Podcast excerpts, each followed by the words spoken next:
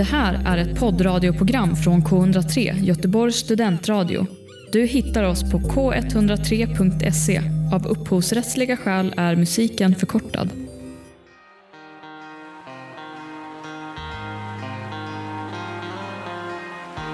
Hade vi fått spela om de här tre matcherna som vi har vunnit nu utan Gareth Bale så hade vi aldrig vunnit tre av tre.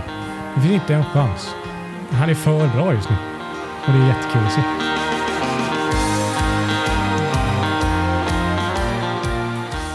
Varmt välkomna till Fotboll kommer hem. Vi spelar nu denna onsdag tänkte jag säga, men det är väl en eh, tisdag va? Ja. Det är tisdag. Eh, in avsnitt eh, 16. Jag sitter här, det är jag som vanligt, Harry, på min vänstra sida, vilket ni brukar skratta åt att ingen bryr sig om, sitter Jag, Daniel. Och så har vi Karl. Och så Adam. och Wow. Nu har jag försökt sätta dit mig där, eller du försökte vara rolig. Jesper har vi med oss som precis pratade och i Alingsås har vi Ja, där har Jesper introducerat mig till staden som vanligt också. kanonstart. Eh, där kommer jag bort mig. Du, du snurrar upp honom på läktaren Jesper. Uh, uh, uh. Eh, hög form. Höger, vänster, höger. Jag tänkte säga hur mår vi, men det blir svårt att svara på den enskilt. Jesper, du har fyllt år i veckan. Hur är, hur är magkänslan? Ja, magkänslan är väl okej, men kroppen mår ju sämre nu när jag är så gammal. Så det, nej, men jag var ute och sprang två mil i morse, så jag känner mig pigg och fräsch.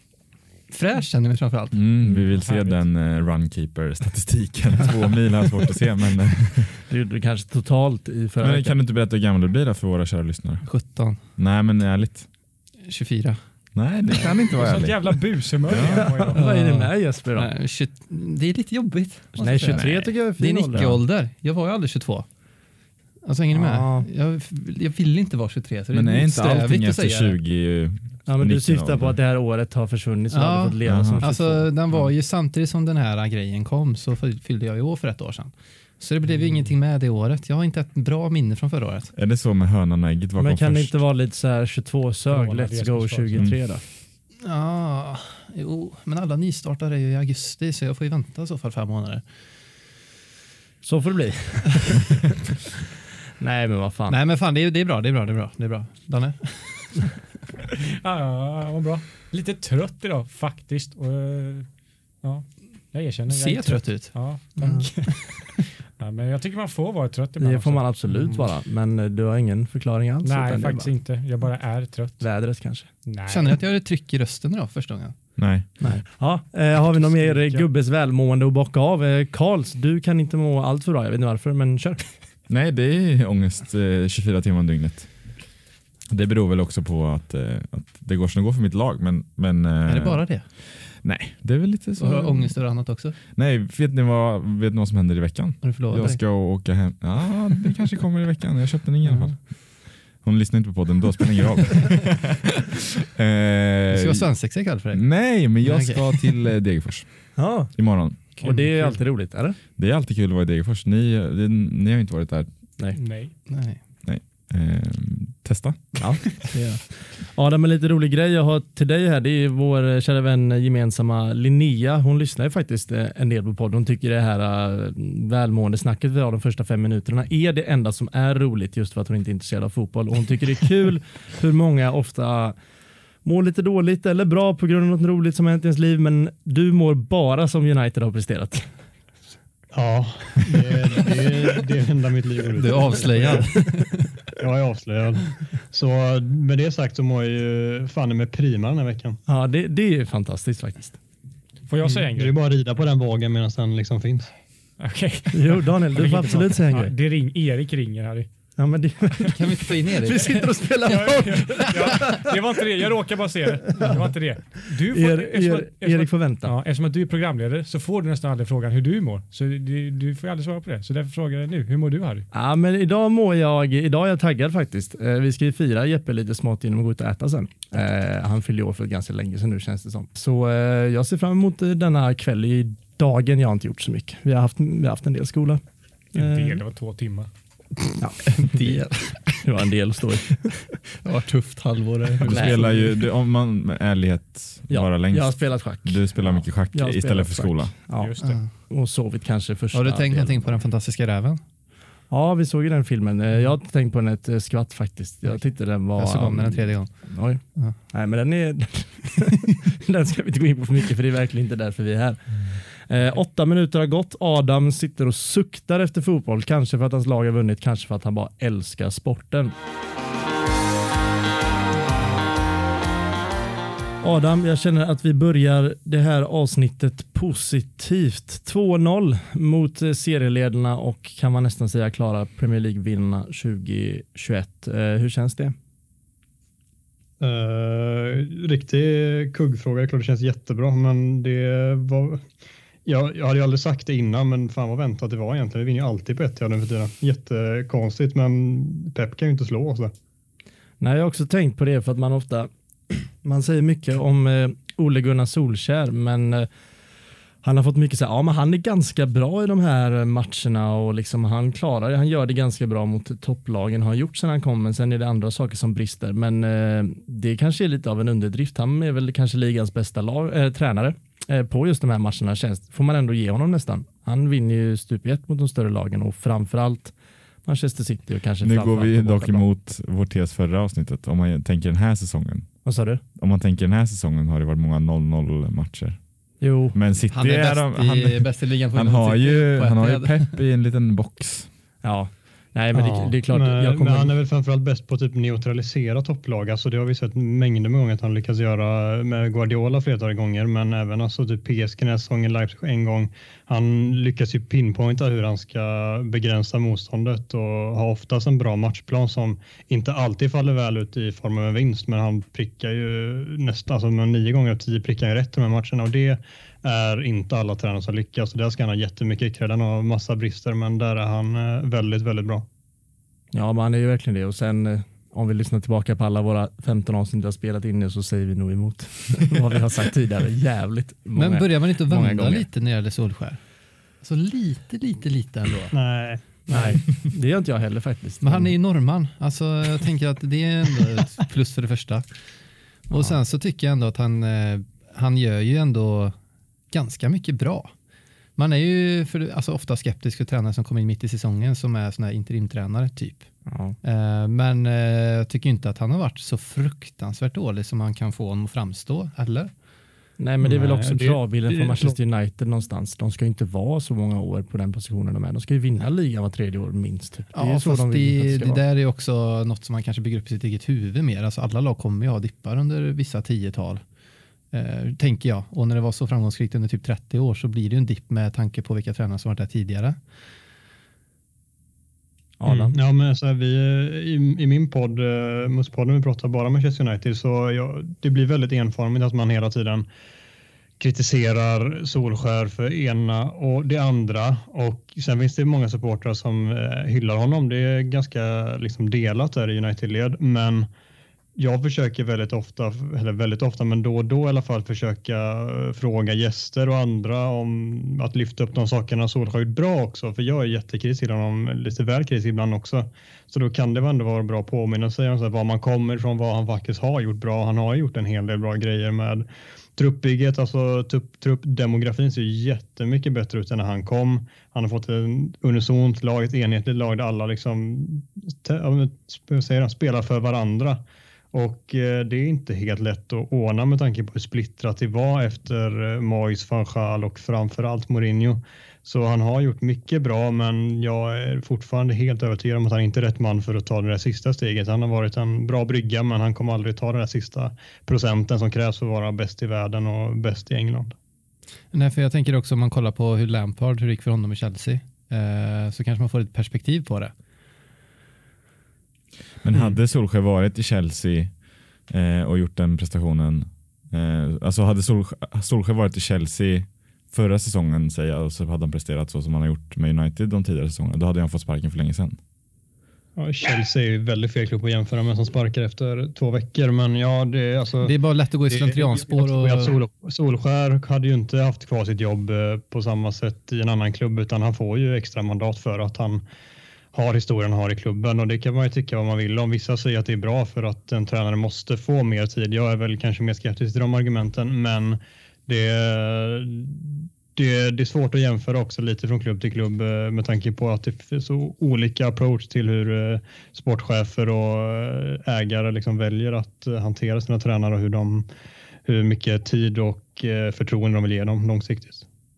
Ja, och nå eh, någonstans känner jag om man ska bryta ner det varför de inte gör det, alltså kommer upp i den allra högsta nivån. Det känns som att de lagen som till slut vinner ligan är ju ofta, alltså, man kan prata hur mycket som helst om liksom, eh, ja, men att neutralisera motståndarlag, de bästa och så, här och så vidare. Bla, bla. Men det handlar ju någonstans också om att de som vinner ligan är oftast de som spelar absolut bäst och någonstans även vackrast fotboll. Och det ser vi i Pep när han gjorde det, vi såg det i Klopp när de vinner sin säsong eh, med nästan 100 poäng. Och det är samma, man kan gå tillbaka även till när Arsenal var ett, liksom, det största laget för 15 år sedan det är samma där. Jag känner inte att Ole Gunnar Solskär har den sista spetsnivån för att han kan, han kan göra det här laget lite bättre stund för stund, men han kommer inte kunna forma er till ett spelande lag som vinner Premier League. Det tror jag inte. Jag vet inte vad du känner. Nej, helt, nej, helt enig. Det, det är någonstans där jag landar också. Det han har gjort nu är kanonbra, men jag ser inte att han... Alltså, man borde ha sett mer efter över två år med honom som huvudtränare spelmässigt för att eh, liksom kunna slå fast en sån sak att det bara ger honom tid så kommer det sitta. Då måste man se mer fram till nu under den här perioden på planen. Liksom, det är en väldigt bra trupp vi har. Det går inte att skylla på det som väldigt många gör, att det saknas spelare hit och dit. Det, truppen är bättre än vad liksom, summan blir, vad, vad vi får ut på planen och då tycker jag att det landar på tränaren i slutändan oavsett hur bakbunden folk hävdar att han har varit på transfermarknaden i viss mån. Men en vi lite roligare saker än att ni inte kommer vinna ligan med Ole Gunnar Solskjaer. Ni vinner 2-0 mot ett väldigt, väldigt formstarkt eh, Manchester City. Ni, eh, eran vänsterback tidigare väldigt ifrågasatt, lite, lite extra kilon på grabben, alltid sett lite rolig ut kan man tycka. Eh, har vuxit ut och blivit eh, kanske en av era mest givande spelare i elvan. Eller är jag fel ute? Ja, nej, alltså han har ju varit topp tre, vår bästa spelare den här säsongen. Eh, sen har den utvecklingen kanske kommit de tre senaste månaderna och innan dess var han okej, okay, men varken mer eller mindre. Men det han har presterat sedan dess är ju, eh, alltså, det går ju, det går ju verkligen att argumentera för att han varit ligans bästa vänsterback med några spelare som givetvis mäter sig med honom, men att han är där uppe tror jag inte många hade trott på förhand. Så all cred till honom och givetvis Solskär också som har gett honom all, eh, all stöttning och allt förtroende. Det är jätteimponerande och jag hade handen på hjärtat aldrig trott att han skulle landa här igen efter sitt benbrott och de åren han haft efter det där det inte har känts som att det någonsin kommer lossna igen. Alltså att ni köper eh, Alex eh, Tejes eller Telles från Porto visar väl, visar väl om något att ingen trodde på Luxor United inför säsongen. Ja, alltså, det går att argumentera för både och. Att, eh, vi har ju behövt ha ett till alternativ där. Det, Solskjaer har hela tiden liksom sagt att han tror stenhårt på Shaw, att han kommer få fortsatt förtroende. Men han har också haft sina skadeproblem och vi behöver, precis som de flesta andra klubbar, ha mer konkurrens på de positionerna. Att ha liksom fallet från Luke Shaw till då Brandon Williams som skulle vara vikarie där. Det är alldeles för stort hopp däremellan kvalitetsmässigt. Så ja, jag tror att tanken var att Telles nog skulle ha en större chans att göra den platsen till sin egen, men den konkurrensen eh, har ju bara äggat på så och gjort honom ännu bättre. Så eh, så sätt har det varit välspenderade kronor. Startar han i, i sommar för England? Jag tror det. Det är väl uh, Chilwell och typ Cresswell emot och då känns väl ändå Luke Shaw som den. Så länge han inte skadar sig och så länge han håller i formen någorlunda så bör han väl vara nummer ett. Jag vet inte vad ni tycker. Nej, ja. Chilwell är väl lite upp och ner den här säsongen men uh, det borde ju vara just nu är det väl Shaw som, drar, som tar den platsen. Mm. Börjar Chilwell prestera som han har gjort tidigare resterande denna säsong så lär han ju verkligen slåss om platsen såklart. Men... Jag tror Chilwell har den alltså. Just, skulle jag, just nu så tror jag att Chilwell startar. Du tror inte på Danny Rose då? Jo, man får öppna en annan frysbox på Toppens träningsanläggning för att hitta honom först.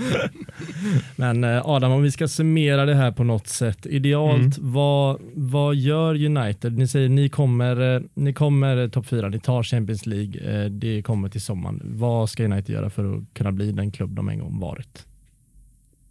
Kort och gott byta tränare och pinpointa ett par positioner som behöver förstärkas med riktig kvalitet. Men alltså ta lös Solskär en Champions League-plats så tror jag det bara det räcker för att han ska ha fortsatt förtroende av Ed Woodward som inte har så jättehöga krav eh, och Glazers för övrigt som eh, jättegärna nöjer sig med en topp 4-placering och Champions League-intäkterna.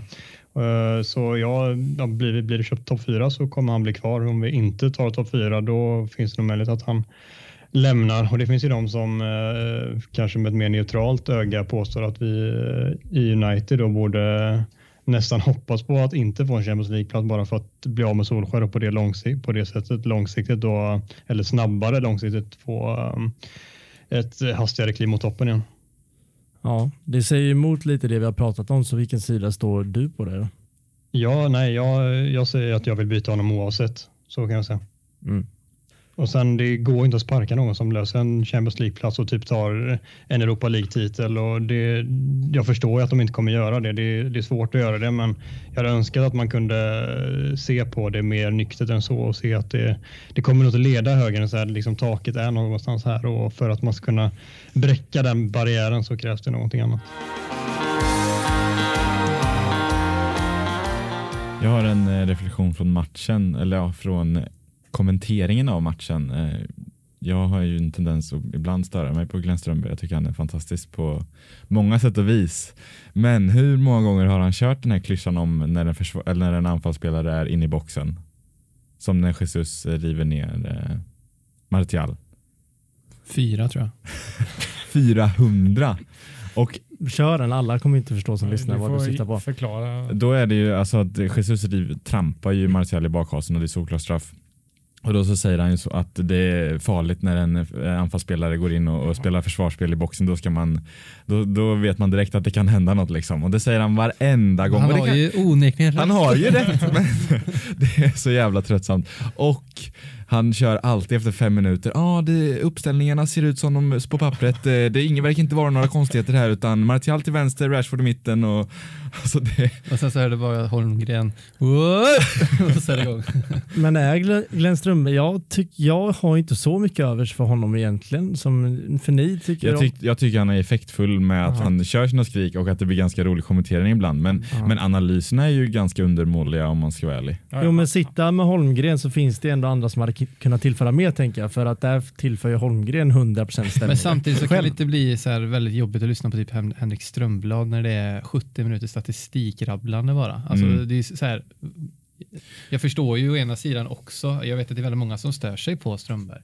Men eh, jag kan tycka att andra sidan kan vara fruktansvärd också. Det blir ändå att man får lite inlevelse när inte supportrarna där till Jo, exempel. jo, men då kan ju Strömberg, Strömblad vara en bra kombo. För men de att kör Ström... ganska ofta. Ja, exakt. Men, men jag tänkte också på det här med statistik. När jag... Strömblad kommenterar ju då Liverpools match i helgen. Jag tror han nämnde typ 50-11 gånger att eh, ja, Liverpools förlustsvit då, att det blir femte raka hemmamatchen och, och det, första Skicka gången in, sen. Eh, ja. Jakob Hård och Anders Blomqvist bara så vi är hemma. det är faktiskt en duo som är svår att rucka i ja, något sportsammanhang. Och det är någon som ruckar dem så är det väl Claes Hellgren och Robert Pärlskog. Alltså det är det finaste ja, av de två duosarna. Ja. Det är faktiskt sjukt att de sporterna har fått dem. Eh... Ja men det är ju varit typ 30 år och de kört. Ja det... men att det inte kommer, för det jag tycker verkligen inte någon av oss sitter där inne, kanske Adam vet inte vad han känner, men tycka att någon fotbollskommentator eller expert rosar på dem ens. Alltså inte i närheten. Nej, jag har, jag har ingen. Ingen jag kan tänka Nej, på. inte jag heller. Eh, men det kanske är också för att man kan så satans mycket fotboll. Men sen så, så är det väl också det att de blir lite främmande när Det de som jag tycker att i fotboll har det gått inflation i att skrika. Och det, i de här sporterna så är det inte så att de eh, strösslar med massa ljudeffekter i micken. Det är väl något som jag kan tycka höja alltså validiteten till det de säger typ. Alltså det känns mm. mer du kan, ju inte, du kan ju inte faktakolla där Claes Hellgren säger heller. Han, han, du kan ju ingenting om handboll Nej, jag kan ingenting men de sitter ändå inte och skriker i varje anfall. Alltså så här att men det, åh, där kom skott. Och talar du inte lite emot dig själv som du sa att det var så otroligt tråkigt med att inte ha en Strömberg och ha en Strömblad? Nej, nej, nej. nej. Alltså, Strömblad är tråkigt för att han bara pratar statistik kan jag tycka. Alltså, jag tycker ja. att han inte pratar om matchen utan han pratar om vad den spelaren gjorde 2011 ungefär. Eller vad han har gjort för den här klubben under en massa år och bla bla bla bla. bla. Alltså det jag kan tycka med Claes Hellgren och Robert Pärlskog eller Jakob Hård och Anders Blomqvist är att de är väldigt pålästa och kan prata på ett sätt som går i symbios med det som händer på planen. Till skillnad mot de här andra där det handlar mer om att typ få, det är lite ishockey i det. Alltså när Holmgren kommenterar så blir det ju mycket snabba anfall och då kanske det är att man sitter och jag vet inte, skriker att den går stolpe, ribba, stolpe ut och sen en räddning och så kommer den till andra sidan och anfall där. Och att det har nästan förts över i fotbollen att den som skriker högst är den som är bäst lite. Och så känner jag inte att det är andra sporter. Eh, och då är det som att allt de säger blir mer trovärdigt då. Eh, tycker jag personligen. Det är mer en spaning. Men en diskussion som så många andra inte kommer eh, komma med några svar från Fotboll kommer hem. Det var bara jag som sa vad jag tyckte. Jag sitter här och håller käften. Nej, jag sa det emot dig. Jag tycker du är tvåtydig och dubbelmoral, men det var ju det Vadå dubbelmoral? Ja, vi Noll diskuterar. dubbelmoral. Vi kommer väl inte få något svar på vilka av kommentatorerna som är bäst. Jo, jag sett i fakta här nu. Det är bara att lyssna här och Det är sällan det kommer fakta ur den käften.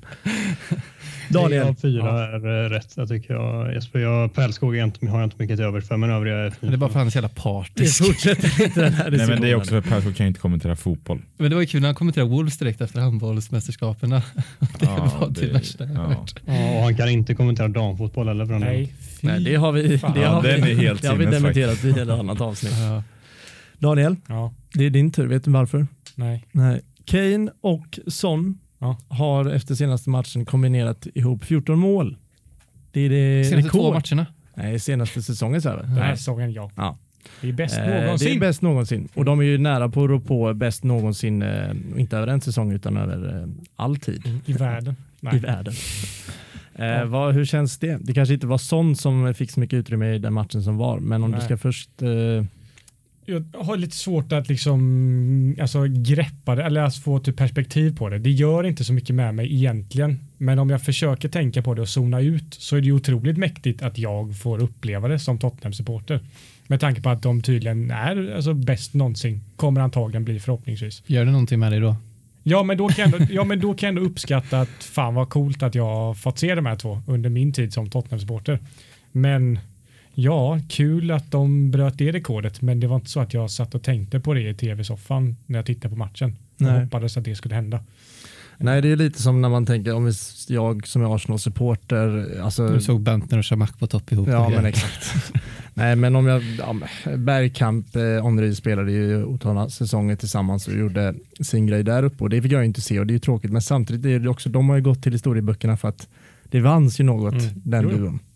Eh, kommer Kane och Son? Eh, Vinna något? Nej, men kom, de måste väl vinna något för att bli den här duon som folk kommer att prata om om 30 år? Ja, kanske. Och det vet jag väl inte om de gör. Antagligen inte. De spelar i Tottenham. Så antagligen inte. Nej, men eh, sen också just grejen att det är Kane och Son. De, har, de två har inte varit en utpräglad duo. Alltså det är ju typ den här säsongen bara. I, ja, men alltså innan har det alltid varit, eller alltid, men innan var det ju Son, Kane, Eriksen och Dele Alli. Alltså Mm. Eriksen det har varit en trio i alla fall. Men så, ja. Vet du vad jag har tänkt på när det gäller anfallet? Det är lite utanför eh, själva fotbollsmatchen. Men det måste ju vara det, den anfallskvartetten eh, som har färst bokstäver tillsammans i efternamnen. Alltså Ja. Kane 4, Ja. Bale 4, Son 3, Ja. Alli 4. Ja, jo, det är otroligt få bokstäver. Jag kan lova dig, den taken har inte tagits i någon annan podd. Ändå, Det är först. Ja. det är Ja, 15 men det- Vi har en USP. Du har Ja. inte fel. Nej, det har du inte. Alltså, Det är inte så att jag kan komma på någon annan kvartett på uppstuds. Det kan jag inte. nej, jag säger det. Aubameyang, Ödegaard, Lacazette. Smith Rowe. Nej. Ja. Eh, Nej, det var bara en instickare. Ja, men den gillades. Eh, matchen då? Matchen. Ja. Eh, vi vann. För de som inte vi- visste det med 4-1. Och eh, Bale gör två, Kane gör två. Jätteroligt. Eh, vet inte vad jag ska säga. Jag kan tycka så här att nu har vi vunnit tre matcher i rad. Det finns två anledningar till att vi har gjort det. En anledning är, ehm, är att vi har satt ett pressspel. Det är lite tråkigt att prata om. Men vi har satt ett pressspel som funkar och som innan har varit helt obefintligt. Nu, det, det, vi står lite, lite högre och liksom växa och liksom tajtare i lagdelarna. Och liksom växelpress mellan spelarna funkar jättebra nu. Och Fulham hade ett stora problem eh, med den pressen i alla fall första halvlek eh, förra veckan. Och första målet vi gör nu mot, eh, mot Burnley är tack vare den pressen. Eh, inte Burnley, Crystal Palace. Är tack vare den pressen. Så det är kul, hoppas vi kan fortsätta med det. Sen så är jag den, alltså Fulham är ju erkänt tufft motstånd har vi också insett. Ja, jo. Mm. Jo, det, vi var ju inte värda att vinna den matchen. Nej. Men det är ja, en annan diskussion. Eh, sen så den största och absolut enskilda anledningen typ nästan till att vi har vunnit tre rad, eh, den heter Gareth Bale. Så är det. det är, visst, Kane är jättebra mot Crystal Palace. Gör två mål, någon assist kanske, jag minns inte. Jo. Ja, men det är Gareth Bale som han, det, hade vi fått spela om de här tre matcherna som vi har vunnit nu utan Gareth Bale så hade vi aldrig vunnit tre av tre. Det finns inte en chans. Två mål, en assist i 4-0-seger mot Burnley. Eh, mot Fulham så vinner han boll på egen planhalva och eh, skickar iväg en öppnande passning så vi hamnar tre mot två, vilket gör att vi kan göra mål och det är 1-0 målet som gör att vi vinner matchen. Och sen nu i helgen två mål igen. Alltså det, han är för bra just nu och det är jättekul att se. Daniel var hälsa på mig i finfina Alingsås nu i, under gårdagen. Och då eh, under eh, tiden som vi försökte fokusera på studierna så hade vi på Tottenham-matchen i bakgrunden. Och då diskuterade vi det i början av matchen när Kane fick en eh, frispark. Att eh, det är märkligt med tanke på vilket tillslag han har, att han är så usel på att slå frisparkar och att han fortsatt får ta alla frisparkar hela tiden. För vi kommer fram till att han har gjort ett mål någonsin på frispark och då sköt han i muren typ för sex år sedan eller något sånt där. och eh, den eh, styrdes in i mål. Eh, och så säger Daniel, ja men vänta ska du få se så kommer du bara kommer den åsikten bara förstärkas och så går det liksom en halvtimme och så trycker han in det målet i krysset. Jag vet inte om alla av er har sett målet, men det är ett sinnessjukt mål han gör. Och eh, det går liksom inte ihop att man kan vara så svag på liggande boll på frispark och aldrig göra mål när man ändå tar så många frisparkar och så kan man göra sådana mål som man ändå gör eh, i övrigt på planen. Det, det är lite märkligt. Han har väl lärt sig av Cristiano Ronaldo. Fast han har Ja, ju, han har ju haft det. Han har gjort mer än ett mål på frispark i Ja. sin karriär. Aldrig sett någonsin.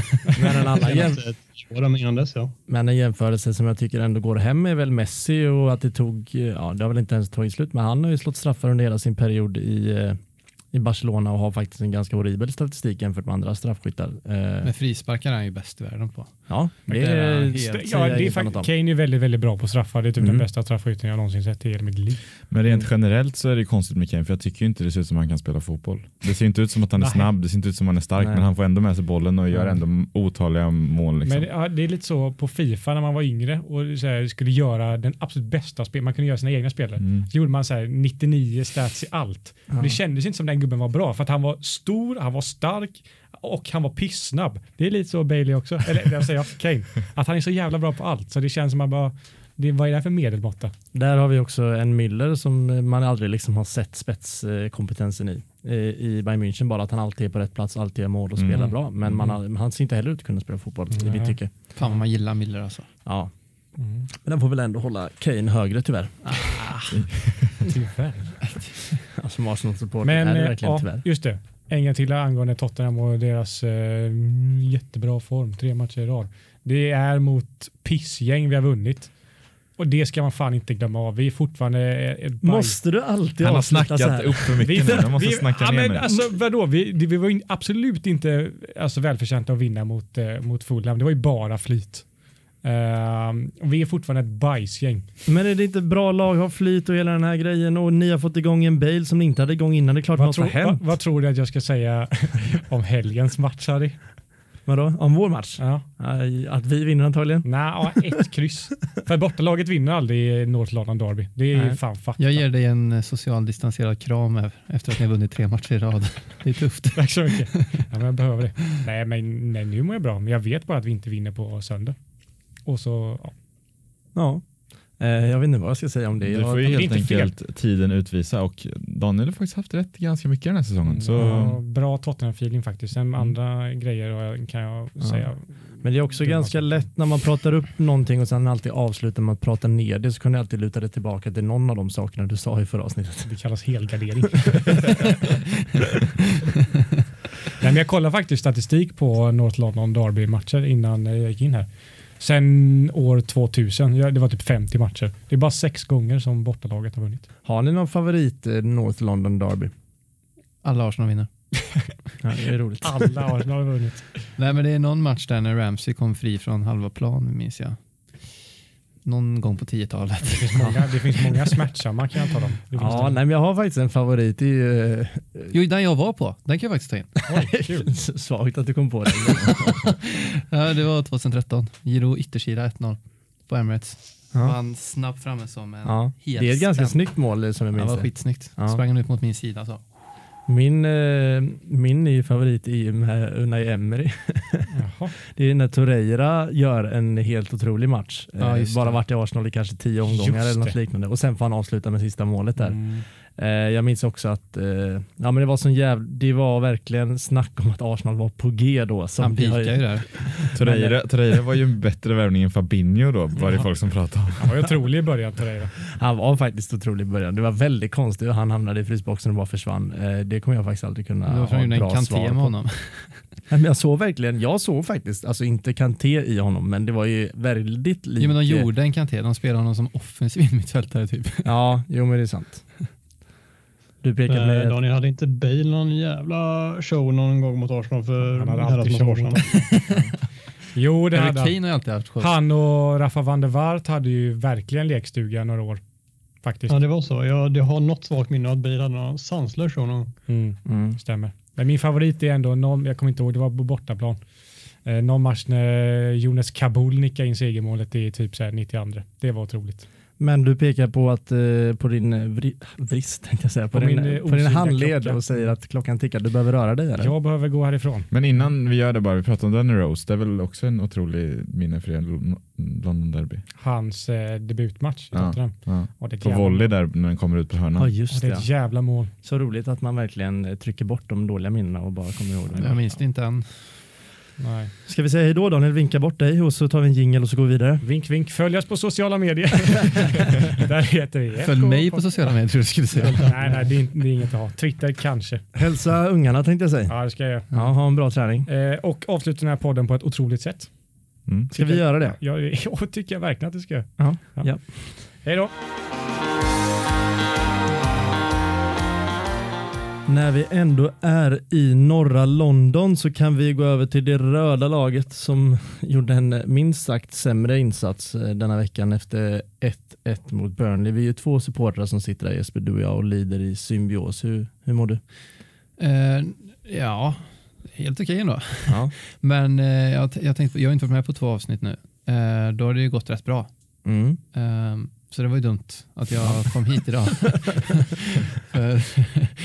Ehm, nej men eh, alltså, grejen är den att eh, genom eh, alltså, de senaste åren så har Arsenal haft väldigt svårt mot Burnley. Jag minns att var det typ tre år sedan var det Korseny som gjorde det handsmålet till exempel i slutet som var helt sjukt att det blev godkänt. Och att eh, det varit, jag tror flera förluster mot det är typ de och Southampton som är de värsta att möta. Och att det händer, alltid händer konstiga grejer Mm. mot dem. Och i höstas så förlorade vi till och med mot dem. Mm. Eh, men eh, det hände ju inget konstigt denna matchen eller? Jo, det, det gjorde ju det. Vi kan ta det. Jag känner bara snart, eller snabbt jag vill flika in att vi alltid har så svårt mot Burnley. Jag tycker att de satte ju en sån jävla press på oss högt upp i banan, vilket vi alltid verkligen vill eh, rulla igenom eh, på alla delar av planen, vilket också leder till misstaget som vi snart kommer till.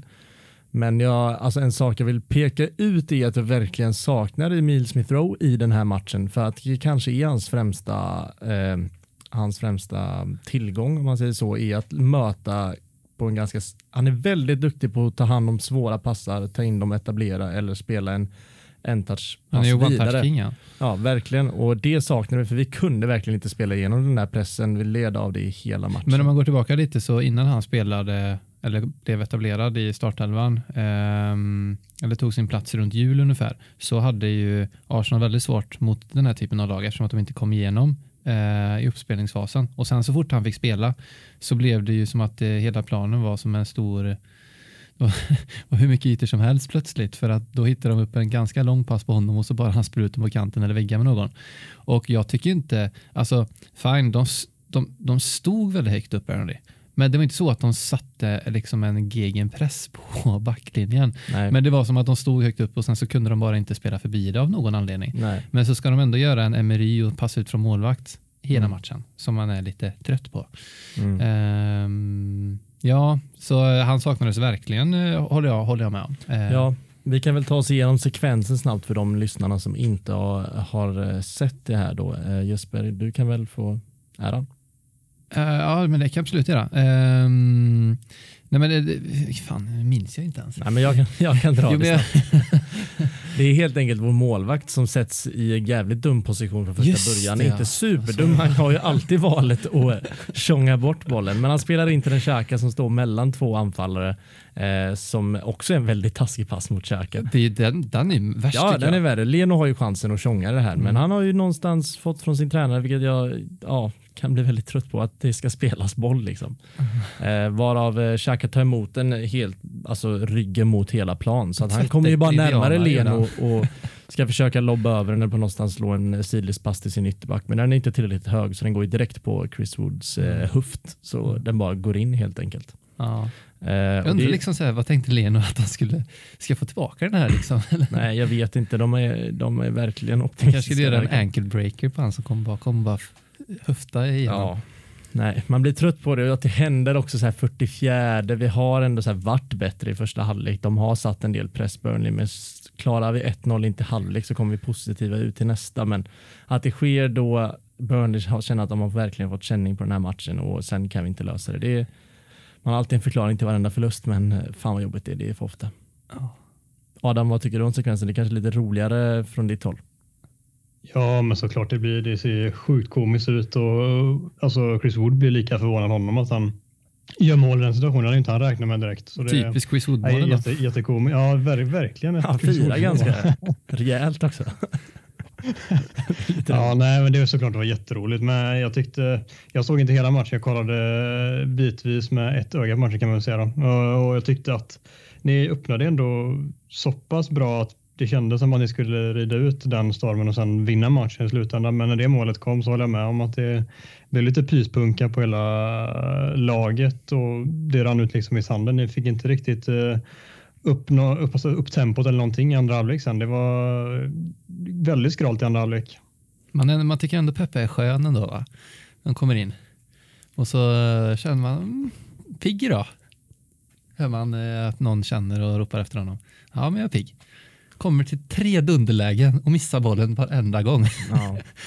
Mm. Vi har ändå snackat upp Pepe nu på sistone. Ja, men det, det är verkligen individuella misstag där som inte är, eh, inte är av någon rang man vill prata om. Samtidigt som att vi kommer inte ens till de lägena. När han inte var på plan så han tillförde verkligen. Också en annan spaning här. Han som räddade den på mållinjen, Maxen. Liam Neeson, har ni tänkt på det? Han som räddade den på mållinjen Max. Ja, vad är han heter? Han heter Peters som spelar Ja, Stoke innan. Eric Eric Peters. Peters. Ja. Ja. Ser ingen likhet alls där. Nah, svag- Dunderlik eh, Liam Neeson. eh, Tvillingar. Nej, svag spaning. Ja, fan. det är samma. Jag, Men en jag, väldigt sval vänsterback måste vi ju ändå säga. Ja, inte mot Arsenal. jag, och, eh, jag och några polare, det var han och sen hade vi Stokes målvakt som såg ut som en riktig porrskådis. Kunde inte, kunde inte förklara varför. Jack Butland eller? Ja, det kan det ha varit. Så vi hade liksom Liam Neeson och porrskådisen i mål när vi kollade PL när vi var små. Ja. Ja. Men vänta här nu, Liam Neeson, Erik Peters har ju inte spelat PL jättelänge.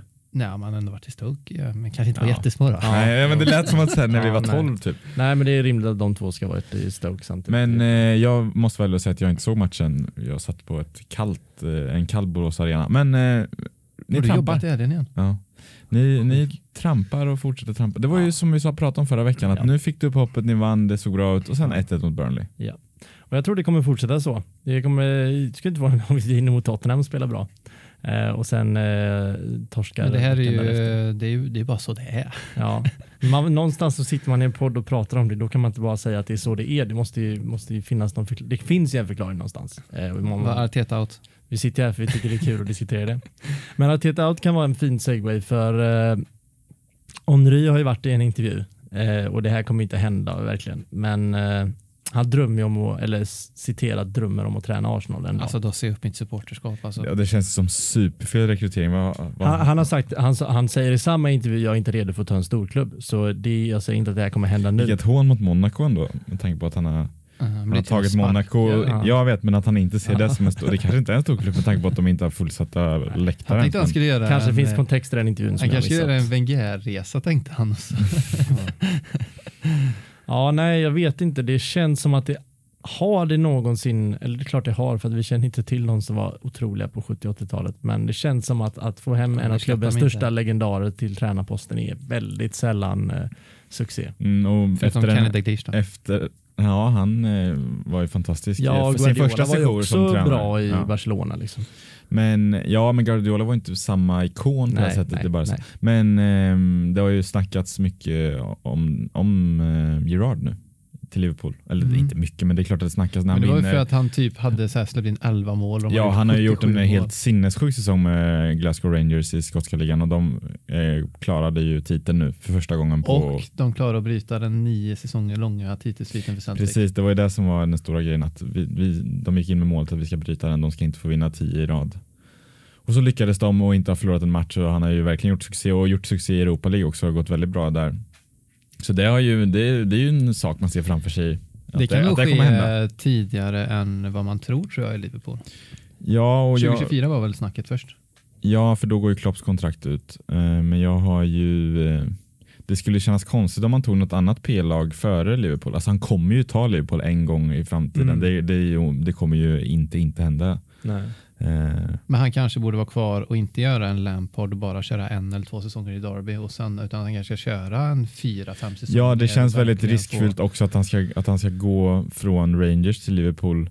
Jag menar, vad, vad har vi för nivå på skotska ligan egentligen? Men han Det- bränns ju för sitt liv om man inte gör det bra. Alltså, gör han- Ja, det kanske vi, och jag hoppas ju att vi har tålamod och att vi inte gör något förhastat när Klopp lämnar, men, men han kommer definitivt vara en av kandidaterna då såklart. Mm.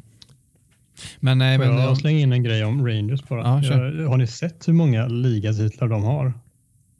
nej. 55. Ja, 55 stycken. Mm. Hur många har det är Celtic då? hisnande siffror. Ja, Celtic har väl typ lika många, eller?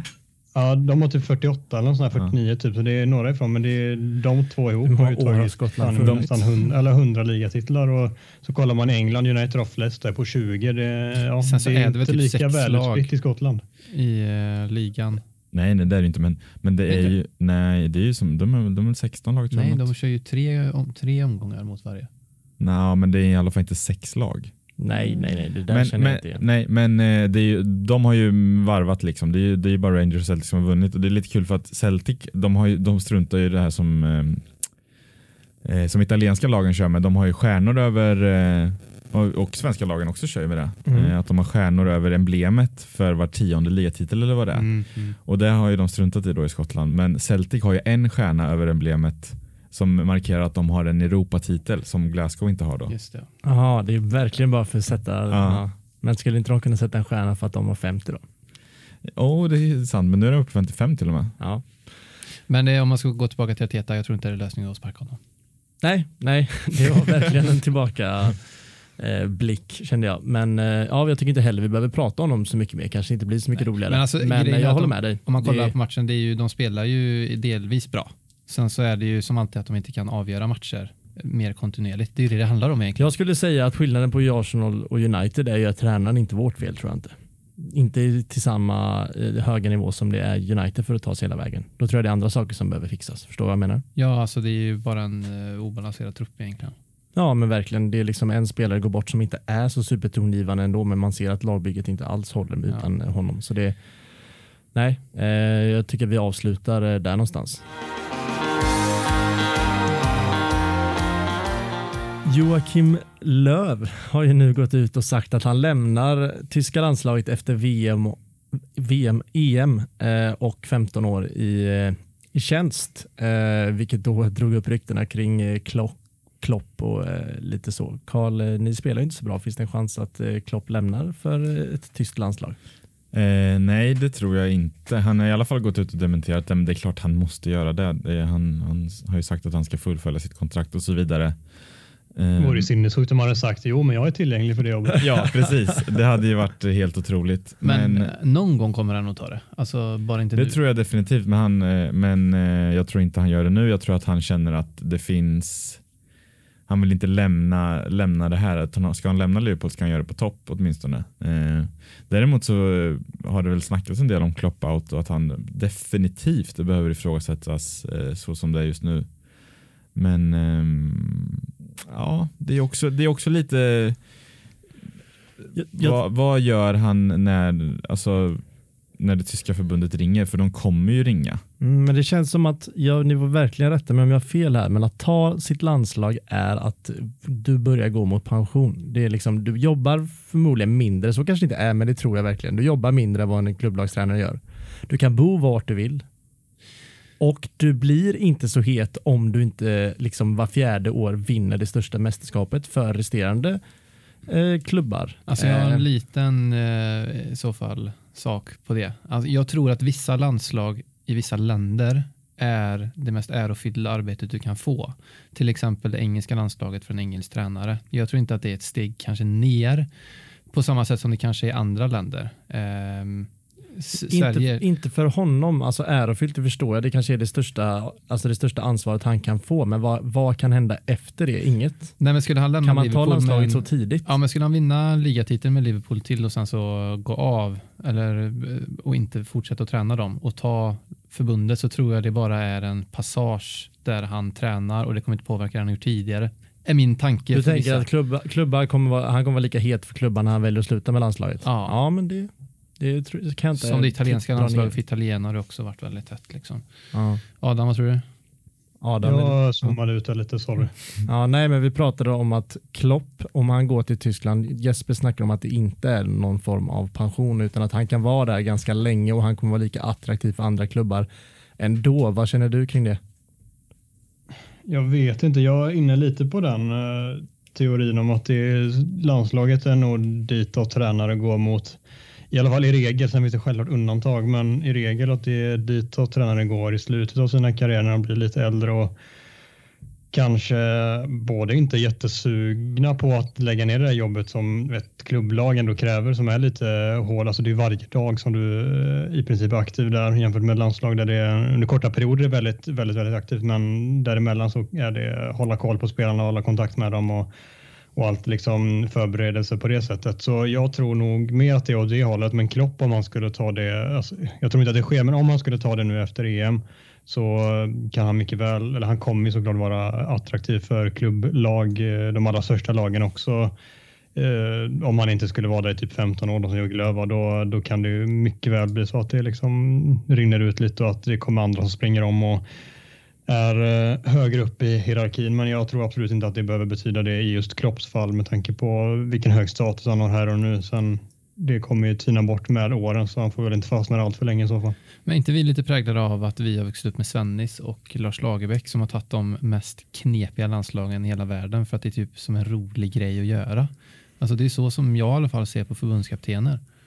De åker till eh, Nigeria och så kör de Nigeria och sen så åker de och tar liksom typ Qatar eller något sånt här konstigt. Nej, men det handlar väl om att de inte får bättre jobb. Lars också Lagerbäck och Svennis med- skulle ju aldrig kunna coacha ett väl europeiskt, to- en europeisk är- toppklubb. Liksom. det är det som är skillnaden, att Klopp hade förmodligen Eller sa jag Svennis, då har jag fan gjort han nu vunnit Serie A. Men, äh, men i det skicket när han tog Elfenbenskusten då om man säger så. Ja, men eh, sen så var ju i och för sig Svennis den största tränaren i världen för ett tag sedan. Mm. Men skulle typ Klopp göra det när på toppen så tror jag inte att det är inte en tränare på dekis. Alltså Det är ju också skillnad som att de svenska, svenskarnas egna landslag är inte bra. Alltså går Svennis och tar Sverige, men alltså om Klopp går och tar Tyskland så tar han topp tre bästa landslagen genom tiderna. Och, ja, och, vilket är hans egna landslag, vilket blir ganska logiskt. Men det är ju inte attraherande för svenska ganska duktiga tränare för att då är det väldigt många klubblag som är bättre än det Men landslaget. typ när Svennis tog England så var det ju the job liksom. Eh, som man kunde få i fotbollen i princip. Mm. Ehm, Jo men så är, så är det ju verkligen. Men det, är- det, är- det, är ju, det är ju för att han är svensk eh, såklart också. Eller men när också. tror du Gerard kommer till Liverpool då? Nej men den, den vet jag inte vad jag tror. Jag, som vi pratade om innan att det kan vara det är absolut för tidigt just nu att plocka honom. Eh, han känns ändå lite för oprövad för det. Samtidigt så eh, älskar man ju tanken av att se honom stå vid sidan av där och skulle liksom ja, må väldigt bra av att liksom få den gjort Då nu. vill man ju ha fansen där kanske också. Men exakt, då vill man ju ha fans på plats. Men, men som sagt, jag tror inte att Klopp kommer eh, lämna ehm, Liverpool i det skicket de är just nu. Jag tror att han vill, han vill fullfölja på bästa möjliga sätt. Det behöver inte betyda att han fullföljer kontraktet, men han vill på något sätt inte lämna med känslan av att det är ett misslyckande. Så som det är just nu så, så ser det inte bra ut.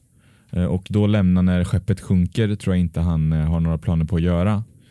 Men som jag sa, vad, vad gör han när tyska förbundet ringer, när de erbjuder, när de lägger fram lönekuvertet och som du säger också, man, man behöver inte jobba lika mycket och eller jobba lika mycket, men det är inte lika intensivt tror jag. Som, Du kan flytta vart du vill också. Ja men det tror jag att han kommer, man bor i Tyskland ändå, man, man, har väl, man bor kanske i Berlin och har någon slags utgångsläge från förbunds, ett i för, förbundskontor. Mm. Liksom. Jag har en, en tanke kanske framtiden för Klopp. Kan det, Ska jag ringa Klopp och berätta? ja, jag har planerat hans liv här nu. Men kan det inte vara så att han till sommaren Eh, kommer göra en riktig trupprensning? Han har gett upp denna säsongen i princip. Kanske inte Champions League då, eh, men att ligan är väl körd förutom att de ska komma topp fyra.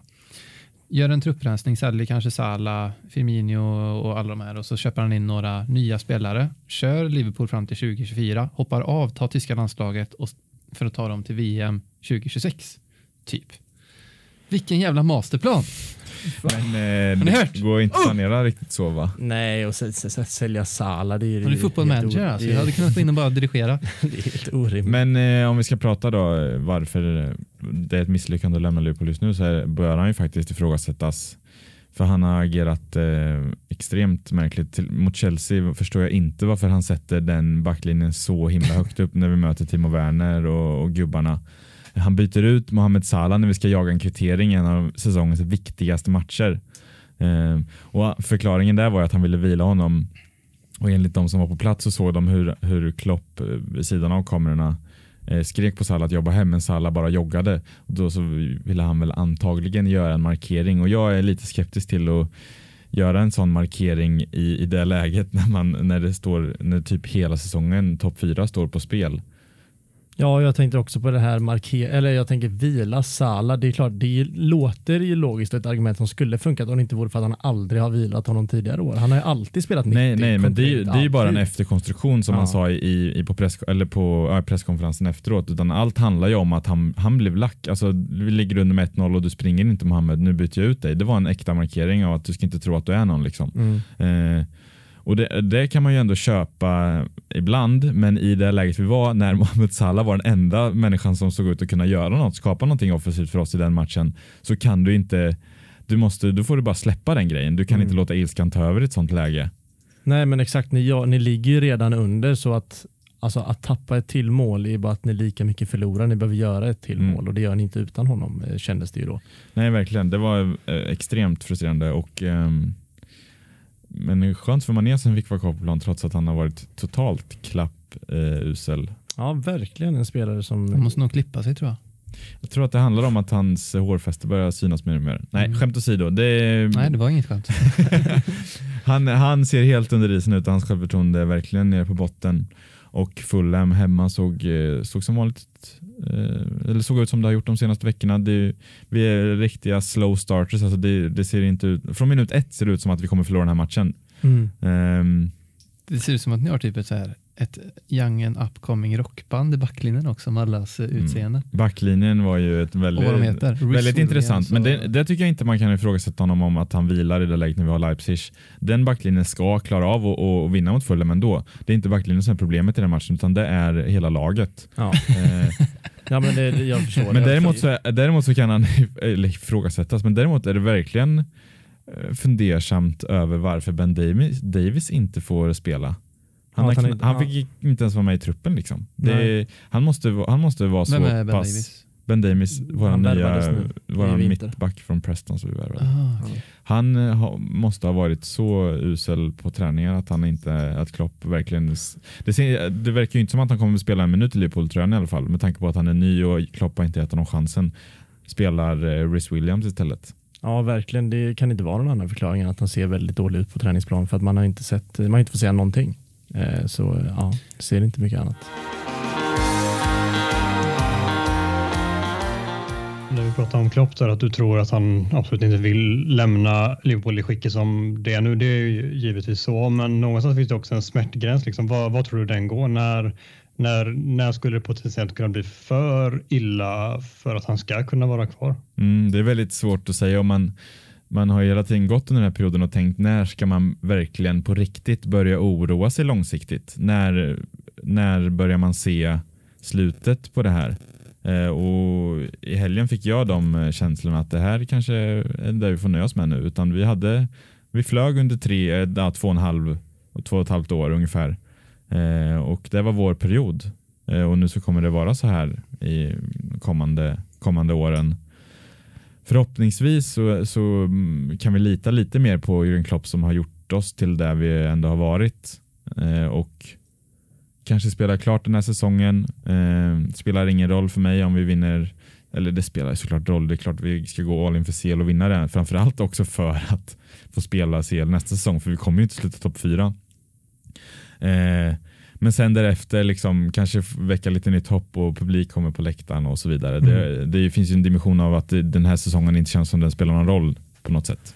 Och samtidigt prestationer mm. i Champions League, det ger ju någonstans en intention av att det finns där. Eh, alltså att de ska, alltså de ska kunna prestera även i ligan, bara att det inte riktigt... Eh... Ja, och tittar man historiskt så är ju Liverpool ett lag som tänder till när det kommer till Champions League. Och jag menar med Rafa Benitez när vi vann den säsongen så var vi inte bra i ligan, men vi lyckades, mm. vi lyckades ta oss till final och vinna. Liksom. Så kallat kupplag. Exakt. Nej, och vi säger så här då att ni hypotetiskt åker ur i kvartsfinalen i Champions League. Ni slutar sexa, sjua i, i ligan. Vad, alltså, om jag tittar på det utifrån och tar av mina United-glasögon. Jag tycker att ni ska behålla knoppen då och låta honom stå för ombyggnationen. Men tror du att klubben kommer göra det?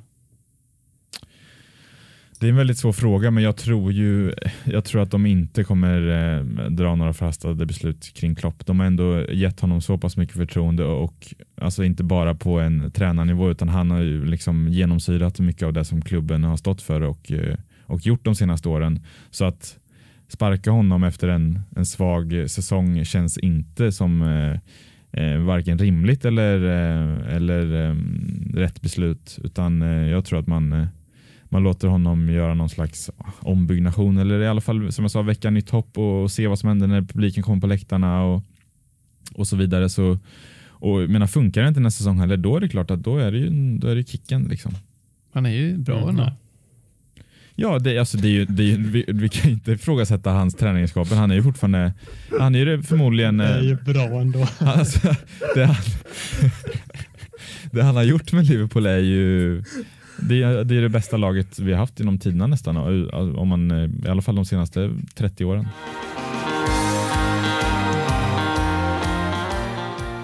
Timman är slagen och vi känner att vi har bockat av det mesta vi vill prata om. Vi diskuterade lite FPL här innan eh, avsnittet gick igång men det är inte så intressant. Karl har gjort en bra omgång. Ja, min mer. omgång är verkligen, verkligen intressant. Men, men eh, eh den är inte klar än heller. City nej. ska spela mot Southampton först så att så eh, vi får väl helt enkelt bara vänta Du sitter ut. inte med någon kapten där? Nej, men Cancelo, Sterling och Diaz. Ja, jag sitter med Gabriel Jesus på kapten. kan vara det sämsta valet i den här säsongen. För jag kan lova att det inte kommer några poäng därifrån. Flanagan vet vi har spelat golf. Det är kanske det roligaste vi har fått från honom på väldigt länge, men det är, inte, det är jävligt tråkigt. Ja, det är ju via hans Insta-story då, som han har slagit lite på ranchen. Men mer än så vet vi inte och eh, det är fortfarande status quo där.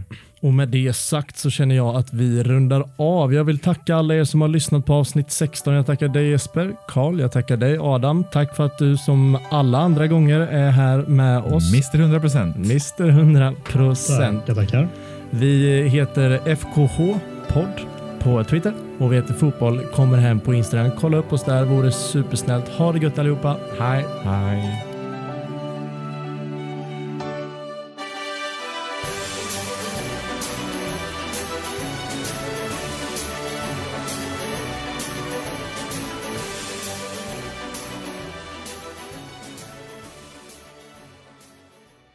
Du har hört en poddradioversion av ett program från K103. Alla våra program hittar du på k103.se. Följ oss gärna på Facebook eller på Instagram. Vi hörs!